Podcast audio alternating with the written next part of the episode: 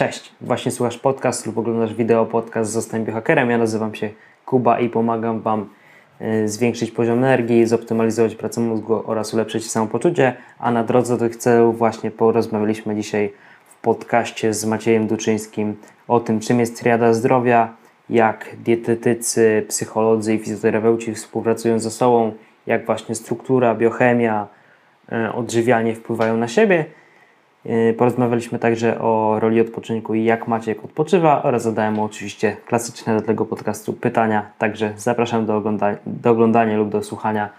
Jest naprawdę co słuchać i co oglądać, że tak po raz kolejny się powtórzę. Zapraszam. Cześć, witajcie, jest z Maciej Duczyński. Więcej nic nie będę mówił. Czekamy, co nam Maciek o sobie powie i musi to zrobić nieskromnie. Więc co ty na to, Maciek? Wow, e, postaram się, aczkolwiek to jest tak trochę, wiesz, wbrew mojej naturze. Staram się, e, żeby było raczej skromnie. E, wiesz co, tak, jestem fizjoterapeutą. Z, pracuję z pacjentami, którzy mają bardzo różne zaburzenia. Zazwyczaj są jakieś problemy sensoryczne, trzewne, raczej z osobami dorosłymi, więc można się do mnie zgłaszać chociażby z takimi problemami jak jakiś reflux żołądkowo-przełykowy, różne problemy jelitowe takiej natury e, funkcjonalnej, więc jakby takimi rzeczami gdzieś tam we współpracy z lekarzem, gastrologiem albo internistą się zajmuję. No i troszeczkę pracuję też e, ze sportowcami, więc głównie osoby, które mm, gdzieś tam parają się na przykład sztukami walki, e, trójbojem czy, czy innymi takimi sportami ciężarowymi, to, to, to jest mój konik. Poza pracą taką gabinetową Współtworzę też kilka takich projektów e, internetowych, e, takie platformy e, jak na przykład Jak Nie Umrzeć albo Neuroklub, gdzie stowarzyszamy osoby, które też zajmują się zdrowiem, czy to swoim własnym zdrowiem, czy zdrowiem swoich pacjentów. No i generalnie poza tym no, można powiedzieć, że pracuję głównie przy edukacji, prowadzę różnego rodzaju szkolenia. No i to chyba wszystko. Mhm. E, wybrałem sobie dzisiaj Maczka do rozmowy, bo po pierwszym podcaście, który nagrywałem z Adamem Goślińskim, e, to przedstawił mi taki bardzo ciekawy temat, e, mianowicie triada zdrowia. I czy byś mógł mi bardziej dogłębnie to przedstawić, a widzom od samych podstaw, co to tak właściwie jest ta triada zdrowia? Mhm. Wiesz co, no to my pod kątem jakby triady zdrowia to rozumiemy taki model ludzkiego no powiedzmy takiego dobrobytu, który jest oparty o trzy filary. Więc to jest oczywiście takie troszeczkę umowne, ale ma nam za zadanie pokazać to, że my e, jako ludzie składamy się z dosyć e, różnych, złożonych sfer, które są ze sobą bardzo ściśle e, połączone. Dlatego, że dosyć często takim mechanistycznym jakby rozumieniu naszego zdrowia Myślimy na przykład o naszym problemie, który objawia się jako ból kolana, że to jest problem jakby stricte samej struktury, czy zaburzenia też funkcji e, samej biomechaniki.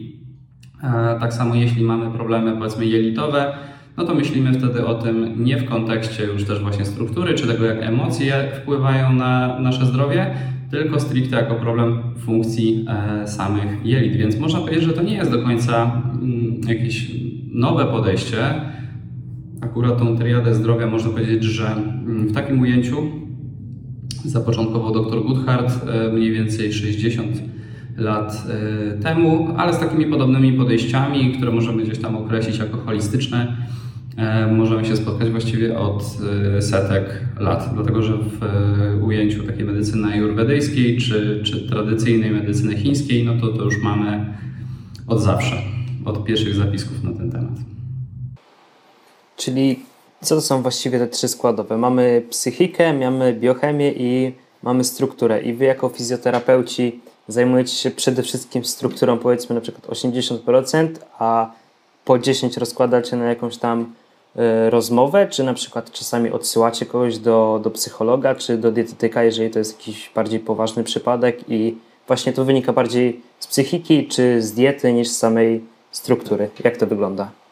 Okej, okay. E, wiesz co, tak, my faktycznie jako fizjoterapeuci zazwyczaj jesteśmy przygotowani najlepiej do pracy ze strukturą, dlatego że jakby cała nasza droga edukacji jest skierowana w tą stronę. Mamy zazwyczaj, bo to oczywiście zależy bardzo mocno od programu uczelni, mamy programy, znaczy programy, mamy zajęcia związane też troszeczkę z biochemią, z dietetyką, E, mam wrażenie, że traktowane no może troszeczkę jakby po macoszemu, no bo jakby nasz zawód ma nas przygotować do tego, żeby być specjalistami faktycznie od tego narządu ruchu.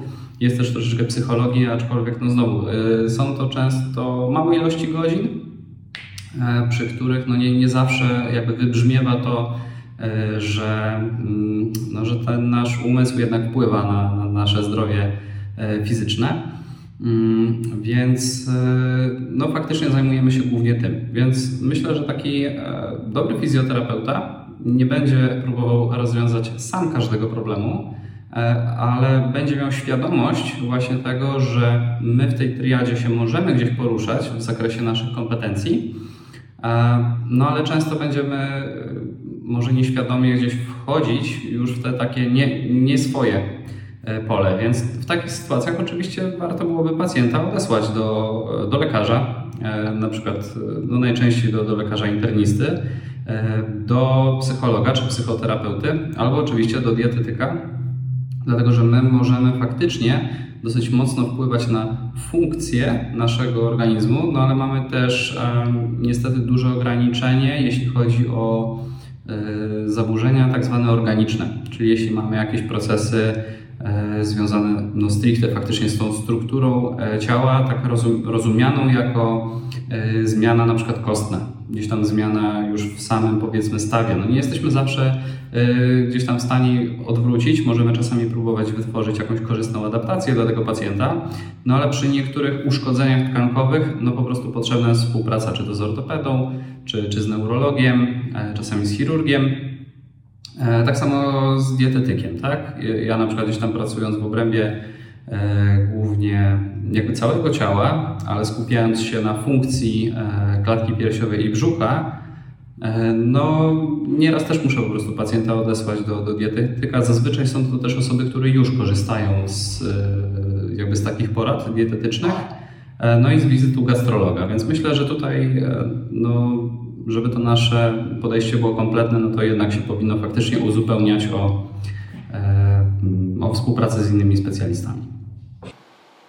A jakbyś mógł jakiś taki konkretny przykład, e, bo myślę, że jak ktoś pierwszy raz słyszy o tym, że psychika wpływa na zmiany kostne, albo to jak się odżywiamy wpływa na naszą psychikę, to niekoniecznie tak każdemu gra, a jakbyś tak konkretny przykład, gdzie przyszła jakaś osoba do Twojego gabinetu i Ty nie naprawiałeś powiedzmy czegoś strukturalnie, tylko mm, może odesłałeś do dietetyka albo sam coś poradziłeś i sama struktura się tak, tak zmieniła, że to było wow.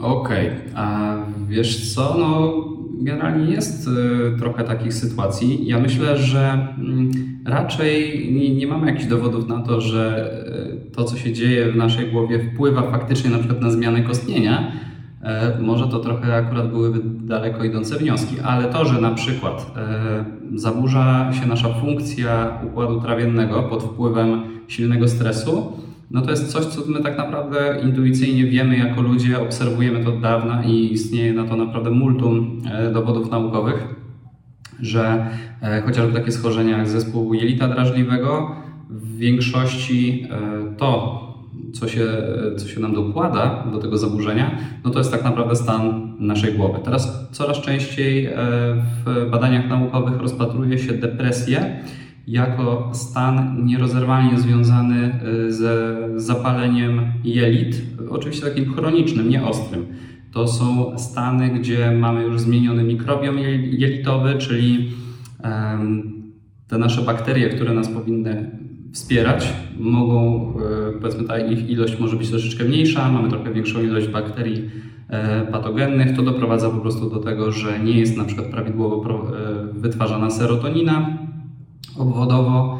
No i w związku z tym dochodzi wtórnie do takiego, możemy powiedzieć, neurozapalenia. Nie mamy w Polsce takiego słowa, aczkolwiek ono właśnie w literaturze medycznej występuje pod hasłem neuroinflammation. E, I to doprowadza do tego, że również e, nasz, ten nasz poziom serotoniny w mózgu jest niższy. No i to doprowadza do chociażby, chociażby depresji. Znowu, trudno jest powiedzieć, czy to jest jedyna przyczyna, prawdopodobnie nie, ale jest to jakby taki jasny sygnał, że ten stan y, naszego przewodu pokarmowego wpływa na naszą psychikę. Odwrotnie oczywiście też, bo tutaj można było się kłócić o to, co było pierwsze, czy, czy to jajko, czy kura. Myślę, że znowu e, jest to dosyć indywidualna sprawa, bo tak samo na przykład urazy, strukturalne urazy głowy mogą doprowadzić do tego, że zaburza się e, nasza funkcja trzewi, ale też zaburza się, mm, może, może się jakby zaburzyć nasza psychika, tak? E, dlatego że chociażby gdzieś tam urazy e, czoła, czyli tego płata e, czołowego, bardzo mocno wpływają na nasze zachowanie. I tutaj na przykład też bardzo mocno polecam zawsze książki profesora Olivera Saxa, który opisywał dużo ciekawych takich przypadków, gdzie ludzie na przykład właśnie po urazach głowy czy po niektórych zabiegach chirurgicznych w w tym obrębie zaczynali zachowywać się inaczej niż e, zwykle. Czyli na przykład e, mieli e, jakieś wybuchy agresji, złości, czasami trudności w porozumiewaniu się z własną rodziną, co oczywiście gdzieś tam dalej powodowało różnego rodzaju konflikty. No więc jakby tutaj znowu mamy tą część strukturalną, która wpływa na naszą psychikę, tak? Jest nawet, teraz też mi akurat przyszło do głowy, cała dziedzina, która teraz zajmuje się tym, jak nasza głowa wpływa na nasze e, trzewia i odwrotnie. Mówię tutaj też o zaburzeniach odżywiania, czyli w ogóle e, psychodietetyka. Znowu jak bardzo nasze nastawienie i nasze relacje z jedzeniem mogą na, e, wpływać po prostu na, na, nasze, na nasze trawienie, tak? Więc jakby tutaj idzie jakby wszystko w takim, myślę, pozytywnym kierunku, jeśli chodzi o naukę, bo odchodzimy troszeczkę od takiego kartezjańskiego pojmowania tylko tego, że no, jelito to jest jelito i ono no, być może łączy się z dwunastnicą, tak, I, i gdzieś tam później na przykład z jelitem grubym, ale nie ma wpływu na resztę. E, I, i coraz więcej jakby tutaj e, badań jakby sugeruje takie, takie zależności, co mnie bardzo cieszy, no bo może się to po prostu przełożyć pozytywnie na to, że no, ludzie będą po prostu traktowani w sposób bardziej kompleksowy. Y, widzę też na Waszych kanałach, że jesteście, tak jak mówisz, y, zwolennikami takiego podejścia y, szerokiego, czyli nie chcielibyście, żeby Was nazywano fizjoterapeutami, tylko terapeutami, tak? Tak, tak, tak, tak. Myślę, że oczywiście jakby nie ma nic absolutnie złego w słowie fizjoterapeuta. Myślę, że ono nawet po prostu ze swojego rdzenia fizjo, od, czy od fizjologia, czy coś, co sugeruje nam pewnego rodzaju funkcję, faktycznie określa to, czym my się e, zajmujemy. Mm, chodzi raczej o taką ludzką świadomość tego, że fizjoterapeuta po prostu kojarzy się z kimś, e, do kogo można pójść w momencie, kiedy E, bolą mnie plecy, bolą mnie kolana, miałem jakiś uraz, e, miałem zabieg operacyjny, po którym po prostu jeszcze raz muszę nauczyć się na przykład chodzić, prawidłowo obciążać e, kończynę mm, i tak dalej, a niekoniecznie sugeruje to, że zajmujemy się jakby połączeniem często tych, tych różnych jakby aspektów naszego życia w jedną, w jedną całość, że zwracamy na to uwagę. Dlatego po prostu niekoniecznie jakby lubimy to, to określenie fizjoterapeuta. Wydaje mi się, że terapeuta jest kimś, kto stara się gdzieś tam e, całościowo o to nasze zdrowie zadbać, więc e, nawet e, poszliśmy o krok dalej i jesteśmy gdzieś tam na drodze do stworzenia takiej profesji jak neuroterapeuta, bo też według nas bardzo dużo się kręci wokół tego układu nerwowego, że to on jest jednak tym tym spoiwem dla, dla wszystkich innych układów e, i zarządza właściwie wszystkimi tymi ramionami tej naszej piramidy, czy też triady zdrowia. Okej. Okay.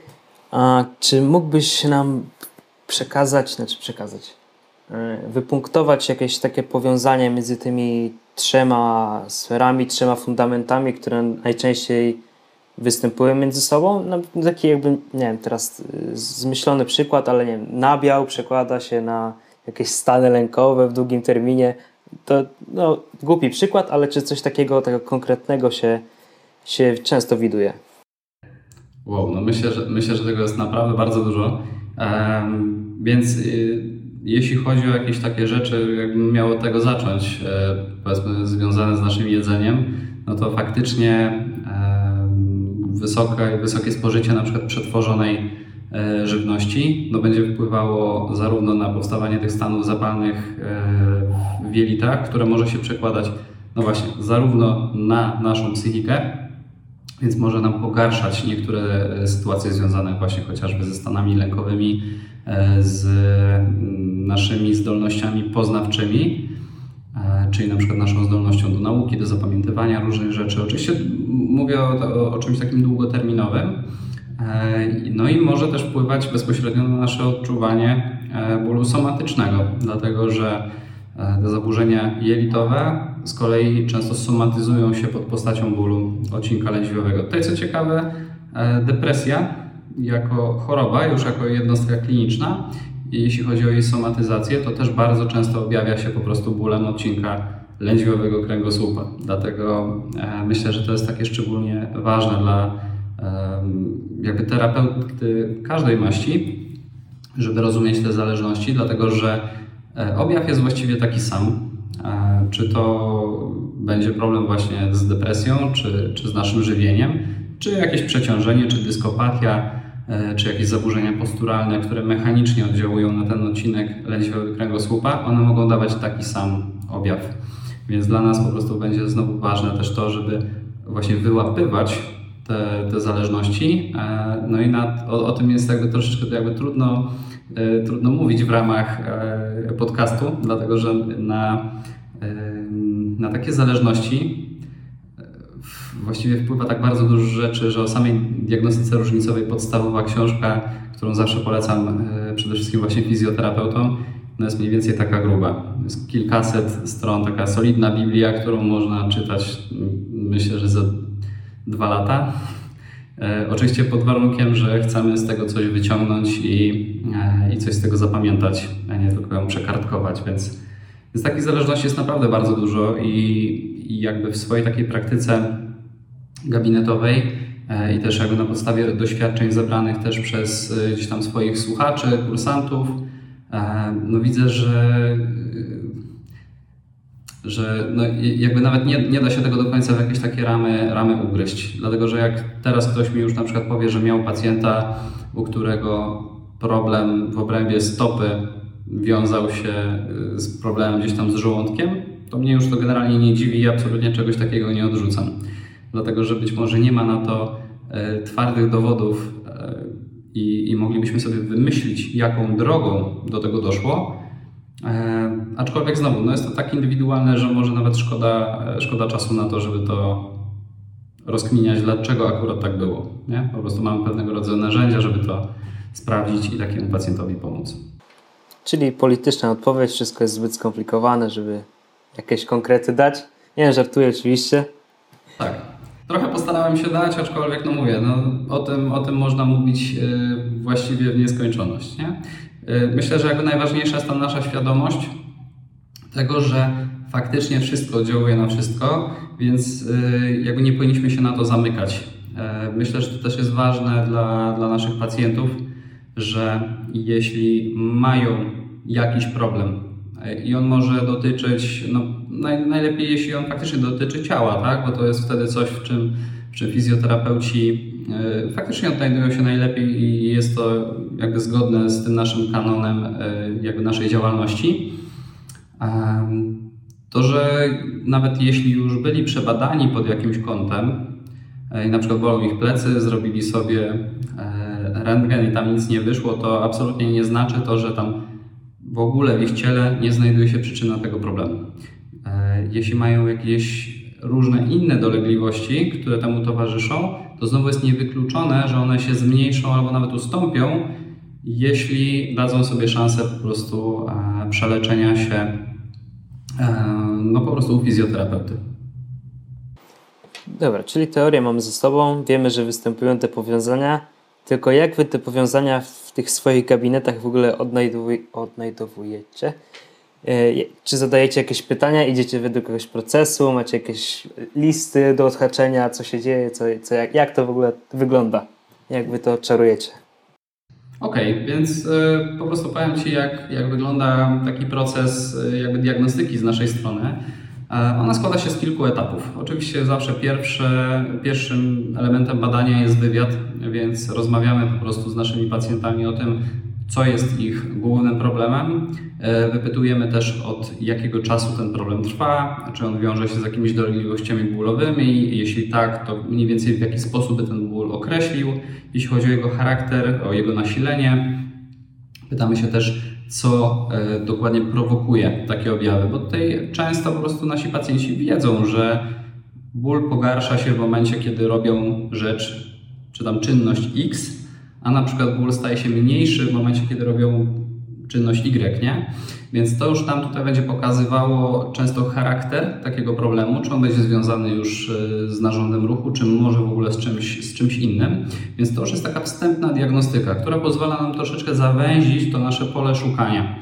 E, albo po prostu też wykluczyć e, pacjenta z procesu terapeutycznego, dlatego że znowu nie jest niczym jakby dziwnym, że my pacjentów też odsyłamy czasami. Jeśli mamy wątpliwości co do tego, czy problem jest natury funkcjonalnej, czy może jest to coś poważniejszego, chociażby infekcja, e, która też może dawać po prostu dolegliwości bólowe, no to my oczywiście pacjenta odsyłamy dalej. Więc to już jakby pełni dwie takie role. Z jednej strony zawężenia nam poszukiwań, a druga to jest ten taki bufor bezpieczeństwa, e, który no, sprawia, że ten nasz pacjent jest taki zaopiekowany.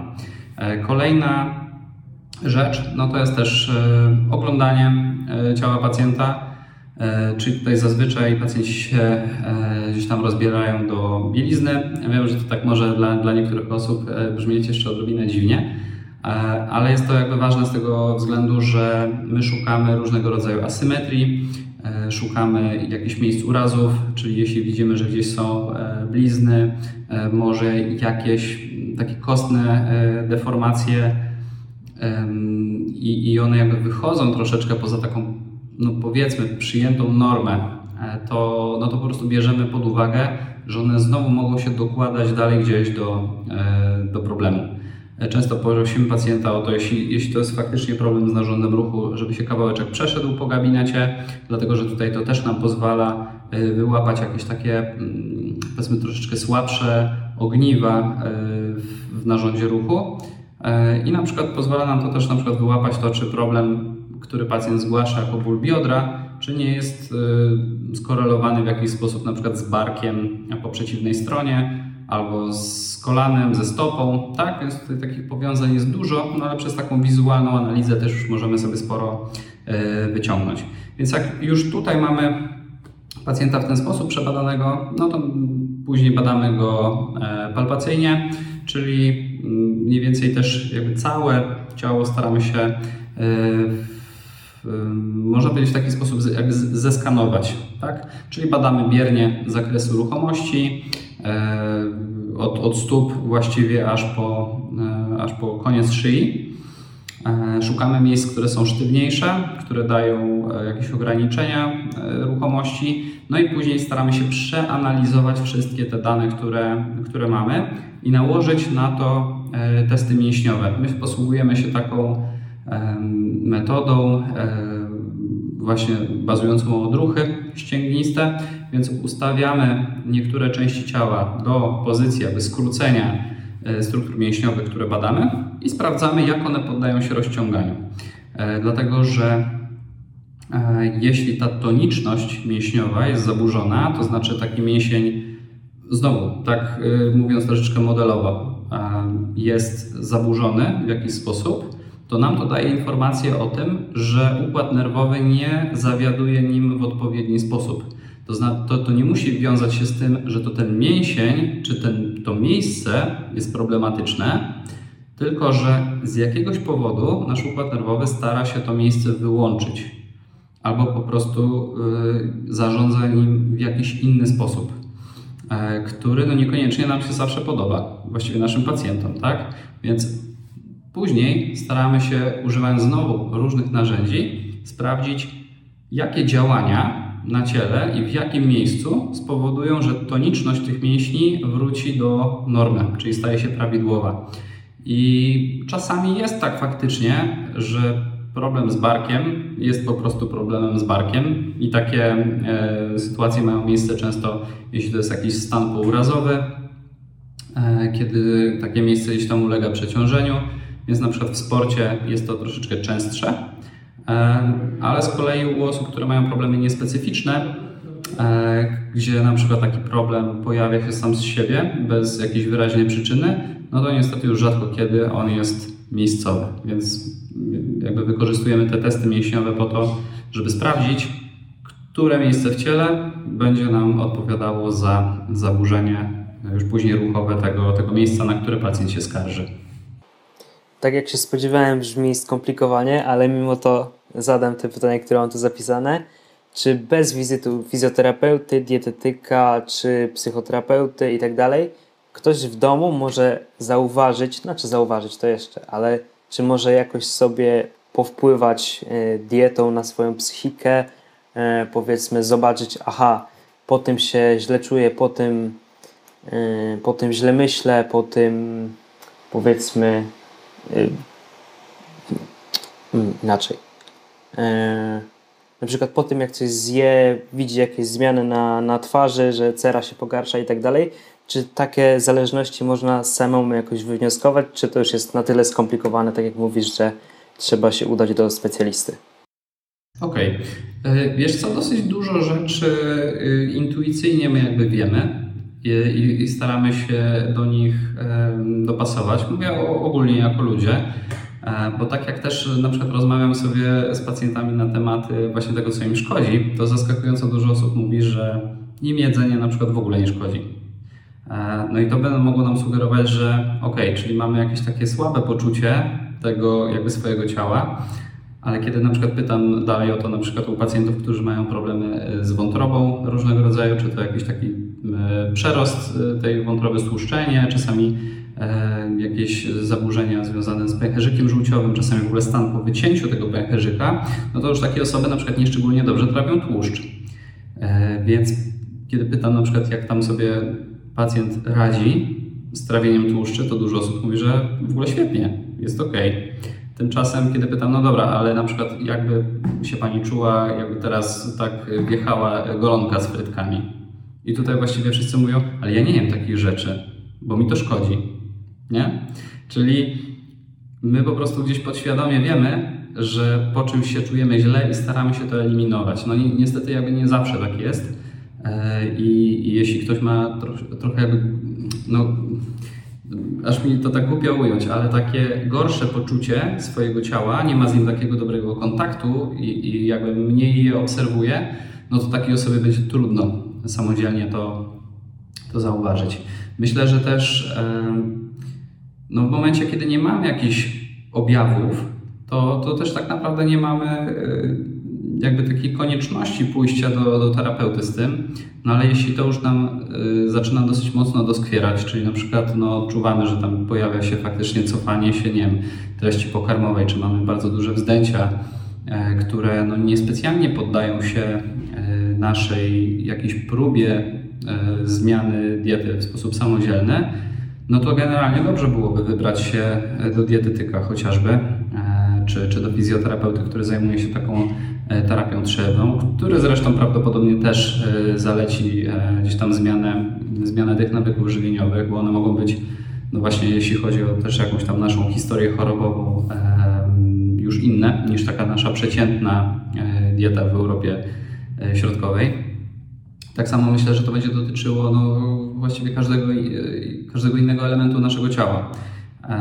Może być tak, że mamy jakiś problem bólowy, który się pojawia na chwilę na skutek jakiegoś przeciążenia e, i on potrafi nam często samoistnie e, w ogóle minąć, bo damy sobie 2-3 dni e, trochę jakiegoś odpoczynku i, i potem jest w porządku. A może być też tak, że ten ból, jeśli będziemy go długo ignorować, no to stanie się dla nas po prostu bardzo uciążliwe.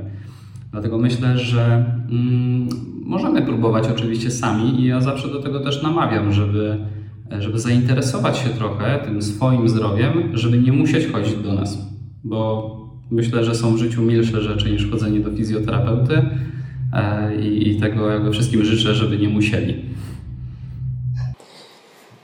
Mhm. Czyli takie szczere słowa, nie chcesz tutaj nas bić bambuko i, i zarobić na nas. A, a jedną z taką składową myślę, żeby zadbać o swoje zdrowie jest odpoczynek. Dużo na swoim Instagramie e, piszesz o tym, e, jak ważny jest ten odpoczynek, wspominasz jak ten twój odpoczynek przebiega, czyli takie krótkie, szybkie pytanie, jakie jest twoje podejście do tego odpoczynku? Ile odpoczywasz, jak odpoczywasz, czy to jest bardziej odpoczynek psychiczny, czy fizyczny, jak to wygląda? Okej, okay. wiesz co, no ja staram się odpoczywać właśnie na jeden i drugi sposób, dlatego że e, mój jakby tryb życia jest taki e, i, i mocno fizyczny, bo dosyć dużo trenuję e, i, i sporty siłowe i wspinaczkę, e, więc e, no jakby to ciało mam zmęczone dosyć często, więc po tym e, dobrym odpoczynkiem jest po prostu walnięcie się na kanapę i, i pogranie sobie na PlayStation, czemu nie. Też z drugiej strony staram się odpoczywać psychicznie, więc po takich okresach, gdzie tej pracy jest naprawdę bardzo dużo, a mam wrażenie, że moja praca jest no przede wszystkim umysłowa, no to po niej odpoczywam sobie zazwyczaj albo nie wiem, gdzieś tam czytając sobie książki, ale też taki w sposób aktywny. Na przykład dosyć często staram się iść na krótkie urlopy, które gdzieś tam dają mi e, taki zastrzyk, e, gdzieś tam motywacji, energii, takiego zresetowania głowy. Więc akurat też jestem fanem e, gór, więc gdzieś tam chodzenie po górach niekoniecznie od razu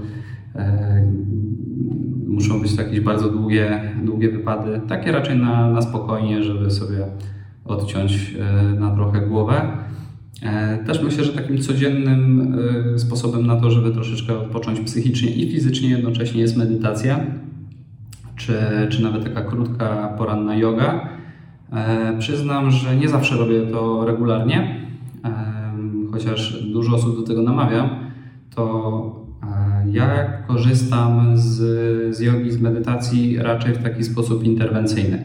Czyli jak widzę na przykład, że trochę za dużo mi się już gromadzi tego zmęczenia, stresu, no to później na przykład trochę staram się zagęścić te, te swoje sesje e, ćwiczeń oddechowych czy, czy właśnie medytacji.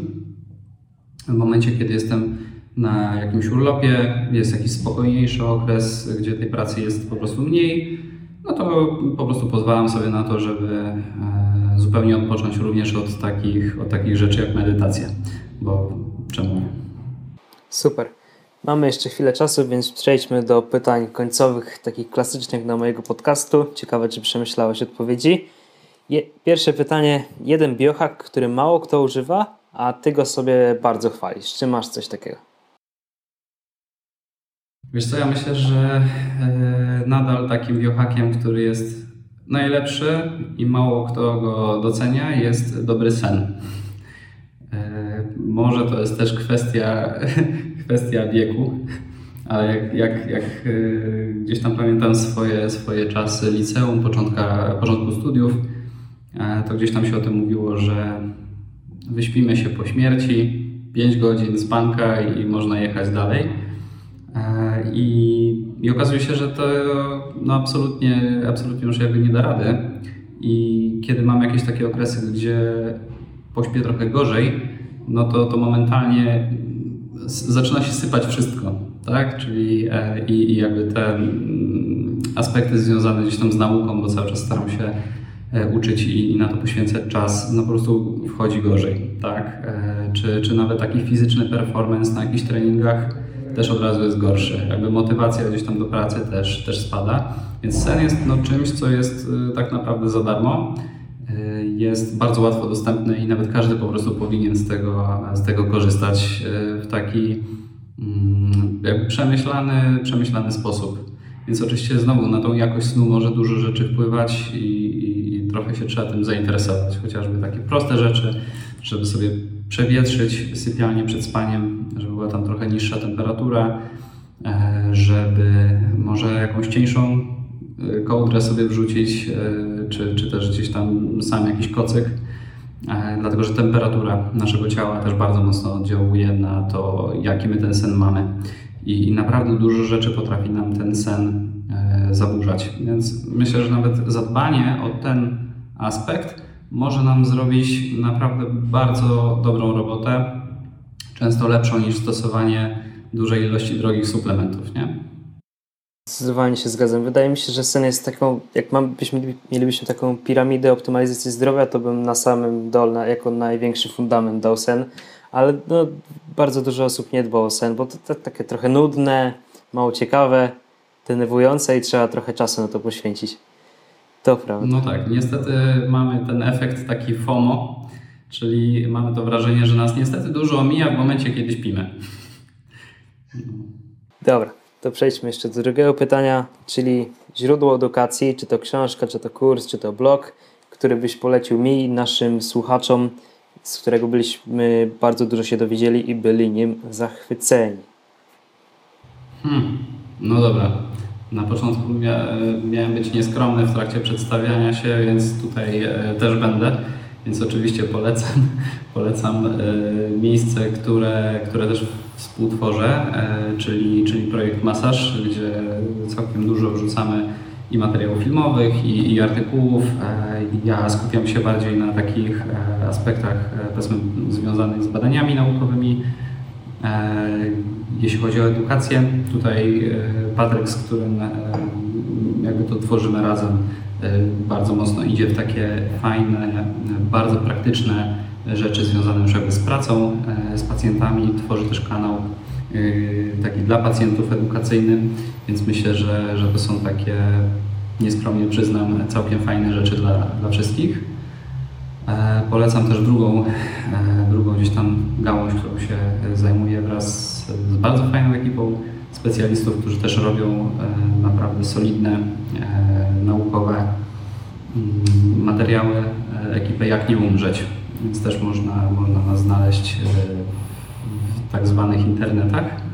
Jeśli chodzi o książki, Myślę, że bardzo taka otwierająca głowę jest książka Dlaczego zebry nie mają wrzodów, która jakby bardzo fajnie pokazuje ten taki mind-body, no takie połączenie, nie?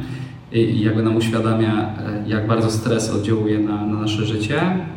Trochę też zmienia jakby w ogóle nasze pojęcie o stresie. Często słyszymy od, od znajomych, że nie powinniśmy się stresować i tak oczywiście w dobrej wierze. To są takie dobre rady, nie? Nie stresuj się.